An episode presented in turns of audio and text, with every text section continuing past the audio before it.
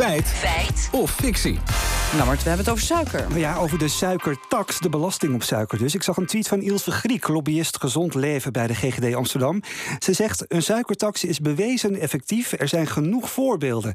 En daarmee reageerde ze dan weer op een artikel op nu.nl... waar ook kritiek was op die suikertax. Bewezen effectief? Wat zijn die voorbeelden dan, die nou, bewijzen? dat wilden wij ook wel eens weten. We belden allereerst met Wilma Waterlander... hoofdonderzoeker Public Occupational Health aan het eh, Amsterdam UMC. Ze legde me uit dat er verschillende definities van de suikertax zijn. In het Nederlandse debat wordt eigenlijk vaak bedoeld uh, de verbruikersbelasting op uh, dranken, op suikerhoudende dranken. Maar daarnaast is het natuurlijk ook mogelijk om een suikertax in te voeren op alle suikerhoudende producten, dus ook snoep en, en chocolade en dergelijke. Uh, en dan heb je dus een, ja, een bredere suiker, suikertax. Occupational health had ik moeten zeggen. Ja, ik kom er zo gek uit.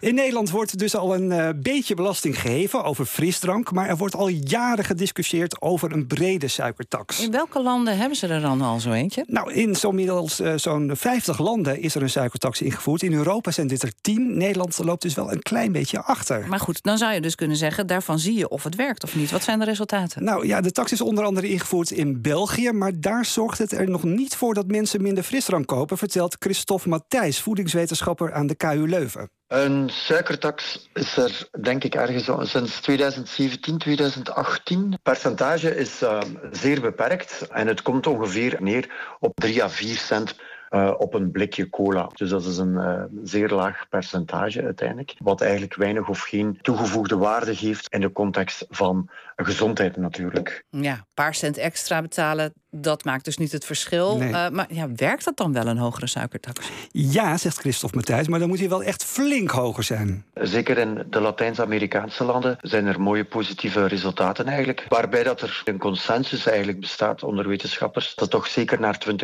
verhoging moet gegaan worden.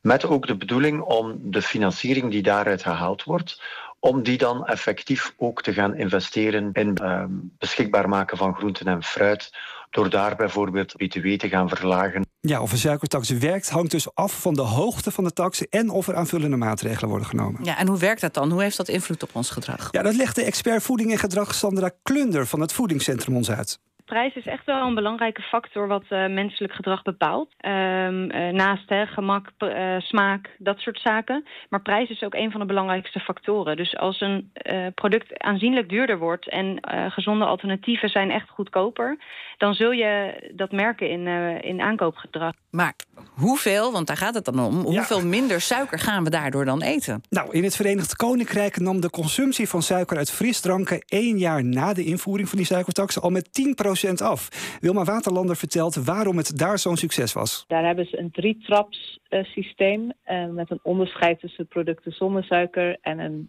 gemiddeld aantal suiker en hoog in suiker.